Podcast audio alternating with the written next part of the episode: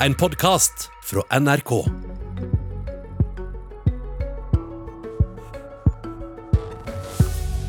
Den nye regjeringa setter statskassa på fortauet og sløser milliarder på klimatiltak uten effekt, sier Frp-lederen. Hun møter klima- og miljøvernministeren, som mener hun henger igjen i fortida. God morgen og vel møtt til Politisk kvarter, og god morgen og velkommen til deg, klima- og miljøminister Espen Barth Eide. Tusen takk for det. Du, vi begynner denne sendinga med å forsøke å få noen avklaringer om hva konkret den nye regjeringsplattformen vil bety. For det skal også øke CO2-prisen gradvis opp til 2000 kroner tonnet. Vil økt CO2-pris føre til dyrere bensin og diesel?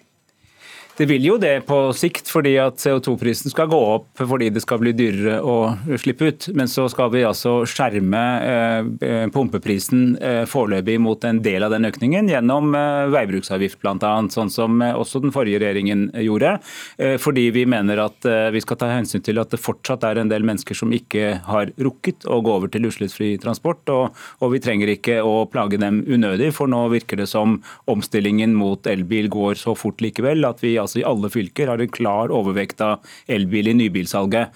Eh, så Det viktigste tiltaket er jo å sørge for at det er ladeinfrastruktur i hele landet, slik at det blir et reelt valg for alle. Men på sikt så vil selvfølgelig eh, også pumpeprisen gå opp, men altså ikke når, så raskt som Når vil eh, gjeld på sikt? Altså, kort, I denne perioden? Kort fortalt så betyr det at vi, vi gir altså dette halv effekt når det gjelder pumpepris i forhold til hva det ellers ville vært, og så skal det også differensieres eh, geografisk. Men hovedpoenget vårt er at det må bli Dette skjønner jeg ikke, Espen Barth Eide. Bare I inneværende periode, de fire neste åra, vil bensin- og dieselprisen gå, og avgiftene gå opp? Ja, De vil gå noe opp, men de vil gå mindre opp enn de ville gjort hvis man ikke, eh, ikke dempet effekten av selve CO2-prisen. fordi CO2-utslipp er mye, mye, mer enn bensin og diesel. Mm. Så Vi vil at CO2-prisen i Norge skal opp i retning 2000, og så vil vi på veien dit sørge for at eh, det delvis skjermes. Okay, i forhold til hva det ville vært hvis man ikke skjermet den. Avgiften vil gå litt opp, men det skriver også i plattformen at det skal redusere avgifter som rammer folk flest. F.eks. elavgifta og drivstoffavgifta. Men, men gjelder ikke dette? Eh, jo, det som gjelder er at vi skal, når en avgift går opp, skal en annen gå ned. fordi at Vi ønsker ikke at det samlede avgiftstrykket eller det samlede skattetrykket skal gå opp. Men vi er opptatt av at men vi i større grad skal bruke Men drivstoffavgifta, akkurat den. Ja, men så sier vi altså at uh, de, de avgiftene som er basert på miljø- og klimatiltak, de vil øke. Og så vil andre avgifter avgifter kompensere for det, slik at det blir dyrere å forurense, men det skal også bli lettere å la være.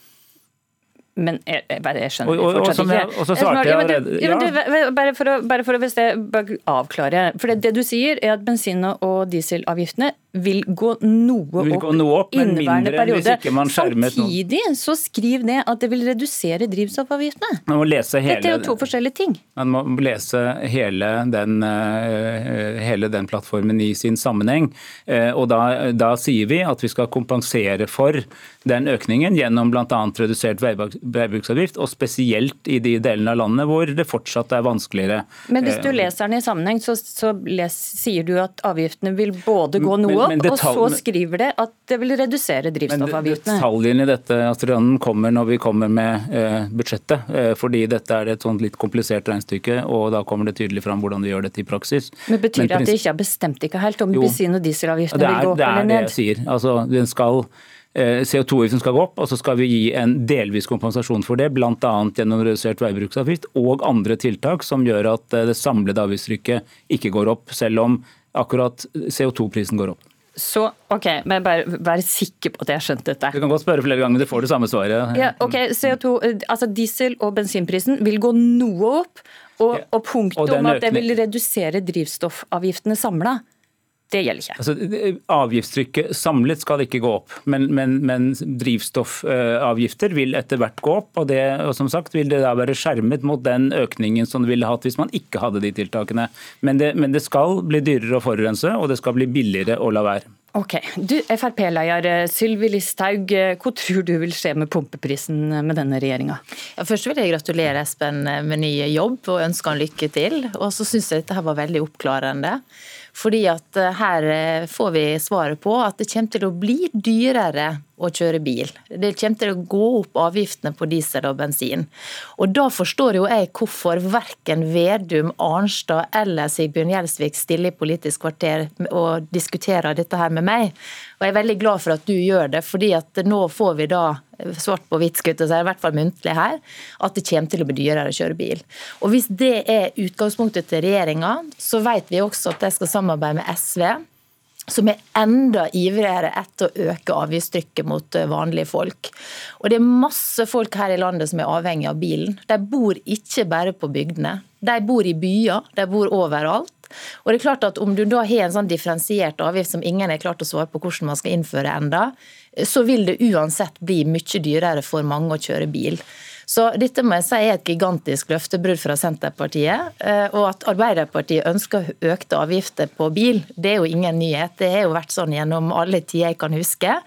Så her har dere tatt innersvingen på Senterpartiet, og det syns jeg er veldig synd. Eh, med tanke på landets bilister. Men, men, det blir veldig sånn, det høres ut som om CO2-utslipp først og fremst eh, bare kommer fra biler. Det kommer altså fra veldig mange ting. Det er veldig viktig at vi det er, det er sånn at Hvis ikke forurenser betaler, så betaler alle, både de som lever nå og de som kommer i fremtiden. og Vi må ha ned utslippene kraftig. og Derfor så ønsker vi at uh, transport uh, etter hvert skal over i utslippsfrie løsninger. Og, og for I Fremskrittspartiets stortingsgruppe har jo nesten alle kjøpt seg elbil, og så har alle bedyret for meg at det er ikke pga. klimaets skyld, men det er fordi man slipper avgift. Ja, voilà. Da kan man altså nettopp eh, gå over til eh, utslippsfri transport. Men for at det skal være mulig i hele landet, både i bygd og by, så må vi altså ha en ladeinfrastruktur, og vi må ha en avgiftspolitikk på på elbilene, som gjør dem attraktive for alle når de skal bytte bil. Brukt bil eller ny bil. Og Den regjeringen som nå nettopp gikk av, og som du var en del av eh, det parlamentariske grunnlaget for, økte jo nå f.eks. Om, eh, omsetningsavgiften på, på, eh, på, brukte elbiler, som gjorde det dyrere også de billigste, altså de som skal inn i markedet. Det mener jeg var en feil løsning i forhold til vår løsning, som er å legge moms på de aller dyreste bilene, elbilene også. Ja, men Problemet er jo at det er null forståelse for at for mange så passer ikke det med elbil. Sjøl har jeg gått over til diesel igjen, for jeg gidder ikke å drive og planlegge livet ned til minste detalj og må lade her, lade der, sitte i kø der, der er laderen ute av drift eh, osv. Gidder ikke mer. Og det er mange andre i dette landet heller der dette ikke passer. Og De aller fleste som har elbil, har også en vanlig bil, om man kan si det sånn, der du kan kjøre inntil ei pumpe og bli ferdig i løpet av fem minutter. Men, okay, og, og, det er dette her, denne arrogansen her, altså det er bare å kjøpe seg elbil, så ordner alt seg. Nei, det gjør ikke det for alle. og Derfor så er denne politikken så feil. Det er faktisk det jeg ikke sier, fordi at vi er veldig klar over at det er en god del mennesker i Norge som ikke her og nå er i stand til å gå over til elbil eller annen utslippsfri transport. og Derfor så vil vi altså, og vil vi ta hensyn til det ved at ikke bensin- og dieselprisene skal øke så mye som den generelle CO2-prisen skal, skal gjøre. Men du har også stemt for en rekke norske klimakrav som man ikke kan oppfylle hvis ikke det koster noe sted i systemet. og Da må vi rett og slett legge til rette for at det koster å forurense, men det må være lettere for folk å la være. og Da må storsamfunnet hjelpe til med å legge til rette med infrastruktur og andre løsninger som gjør at man kan få transportsektoren over eh, raskest mulig over på utslippsfrie Men da må det finnes alternativer. Altså, du mener rett og slett at denne regjeringa her, de kasta penger etter klimatiltak, som ikke har noe effekt, som jeg sa i starten av denne sendinga. Hvor konkret er det du sikter til da? Altså, det ene er jo elektrifisering av sokkelen, der de skriver at det skal fortsette. Der skal man sløse vekk nesten 50 milliarder kroner uten at utslippene i verden går ned. De skal også nå bruke enda mer penger på CO2-fangst og -lagring. Altså Den forrige Arbeiderpartiregjeringa krasjlanda på Mongstad og svidde av mange milliard kroner som gikk til ingenting til slutt. Nå er man i gang med et nytt prosjekt som statsminister Solberg sto i Stortinget og sa at det er høyrisikoprosjekt. Her skal man da ytterligere Som du også har stemt for. I Ja. inneværende budsjett så har du stemt for at dette prosjektet Ja, og- skal og- få ja, men masse penger. Ja, og men ikke, hvis jeg ikke kan bare få har du stemt for, men det har jo vært en serie energiministre fra Fremskrittspartiet som drev fram det prosjektet med stor stolthet, og ære være dem, fordi at vi har fått et veldig bra eh, langskip. og Det har altså ditt parti vært med på å utvikle, og det skal du få skryt for. Ja, men det er veldig pussig at så fort du gikk ut av regjeringen, så var du mot alt regjeringen var for da du satt i den. Altså, Vi var mot Langskip. Vi tok, ansvar, sånn. vi tok ansvar i fjor for å sørge for at, regjeringen- at vi ikke fikk en regjeringskrise midt i en pandemi. Det var grunnen til det. Men her nøyer ikke dere med å svi av 16 milliard kroner til dette prosjektet. Dere skal ytterligere flå, øse ut flere milliard kroner da for å få på plass et prosjekt til. Men var det Kjell Børge, Freiberg og Tord Lien, og tok de feil de da, da de jobbet med dette? Altså, vi, vi var mot dette prosjektet når det kom til Stortinget, fordi vi mener at det er altfor mye risiko for staten. Vi har sett hva som har skjedd tidligere, og vi ønsker ikke å være med på det. Men problemet er at det var for da dere satt i regjering. Jo, men- jeg, jeg jobbet med det dette må- feltet. Dere var for. Det var dine statsråder som sto i spissen Ja for da, Ja, men det er mange ting man må være med på i regjering Men de virket, ikke men de virket ikke som de var mot det ved tvang. Altså Kjell Børge Tveiberg. men uansett, der vi er- avslutter er jeg den, der avslutter debatten om det. som Vi i hvert har skjedd. Og så skal vi se litt framover. Nei, en, nå skal jeg bare se litt framover når det gjelder faktisk Klemetsrud. For i Hurdalsplattformen så står det at det skal fortsette arbeidet med å få finansiert dette prosjektet for CO2-fangst og -lagring på avfallsforbrenninga på Klemetsrud. Skal staten finansiere det? Ja, og ikke bare skal vi sørge for at det blir karbonfangst og -lagring på Klemetsrud, vi ønsker at det skal skje også på alle store avfallsanlegg i Norge etter hvert. Skal det- staten jo, finansiere det? Når det gjelder Klemetsrud, så er vi enig i at den forrige regjeringen sendte en søknad til EUs innovasjonsfond om delfinansiering fra EU. Den er til behandling i ukene som kommer i det EU-systemet. Derfor så vil vi nå først avvente det, for det hadde vært veldig bra om vi fikk dette delfinansiert fra EU. Ikke bare for pengenes skyld, men også for å koble det til den store omstillingen som EU nå driver med. Hvis den mot formodning skulle avslås, så får vi komme tilbake til det. Men det er klart at staten skal være med sammen med næringslivet på å utvikle disse løsningene. Og karbonfangst og -lagring er noe av det smarteste vi kan gjøre. For det gjør at vi kan både lage ny industri knyttet til selve karbonfangstteknologien, og vi kan ta vare på industri vi har i dag, bl.a. mye av prosessindustrien vår, som da kan fortsette å produsere med karbonfangstteknologi. Så det er en god investering for Norge. Solberg-regjeringa lova 3 milliarder i potten om prosjektet på Klemetsrud fikk støtte fra EU. Ja. Eh, Gjør det det samme? Vi har til, eh, Senterpartiet og Arbeiderpartiet har sagt at vi til og med øker den eh, delfinansieringen fra Norge og formidlet det til EU. og Så avventer vi da den beslutningen. og Hvis den blir ja, så er vi veldig glad for det. Hvis ikke så får vi komme tilbake til hvordan vi gjør det. Men målet er at både Klemetsrud og andre avfallsanlegg rundt i landet skal ha karbonfangst. Fordi selv om vi skal over i det vi kaller en sirkulær økonomi, hvor vi bruker ressursene om igjen, så vil det være noe igjen som må forbrennes. og Da får vi CO2-utslipp, og de må vi fange. For vi skal altså styre verden mot et netto nullmål. At vi skal ikke slippe ut mer enn det vi kan fange opp igjen. Og Det er ikke noe vi har funnet på i Norge, det er noe USA og Europa og ledende asiatiske land nå er enige om. Så Det er den fremtidige økonomien vi går inn i. og Hvis ikke vi utvikler denne teknologien, så gjør noen andre det, og det vil være dumt for oss. Jeg vil rekke kjapt et tema til, for det står i plattformen at eh, den nye regjeringa vil at oljefondet skal ha et langsiktig mål om nullutslipp fra selskapet fondet investerer. Hvor blir konsekvensen av dette, Listhaug?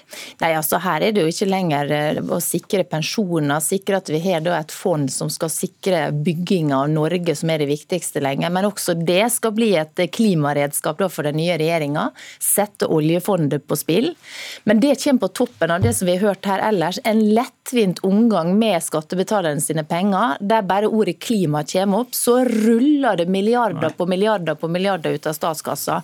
Man skal også, setter eh, oljefondet på spill eh, når Nei. du vil at det skal investere klimavennlig? Virkelig ikke. Altså, en av våre dyktigste økonomer, tidligere toppbyråkrat i Finansdepartementet, Martin Skanke, har ledet et utvalg eh, som foreslo nettopp dette. At oljefondet, eller Statens pensjonsfond utland som det egentlig heter, eh, skal, eh, skal ha et langsiktig nullutslippsmål i alle sine investeringer, slik veldig mange, også private fond, nå gjør. Det er en veldig tydelig bevegelse ute i verden mot at store store kapitaleiere ønsker å bidra til den omstillingen som verden må gjennom. og Vi mener at det Da er må de helt naturlig. trekke seg ut av masse selskaper. Hvilke selskaper skal de ut av? Hvilke ja, bransjer skal man ut av? Det betyr at man skal, som eier skal man stille eh, forventninger til at eh, styrer og ledelse kommer med planer for en langsiktig overgang til nullutslipp.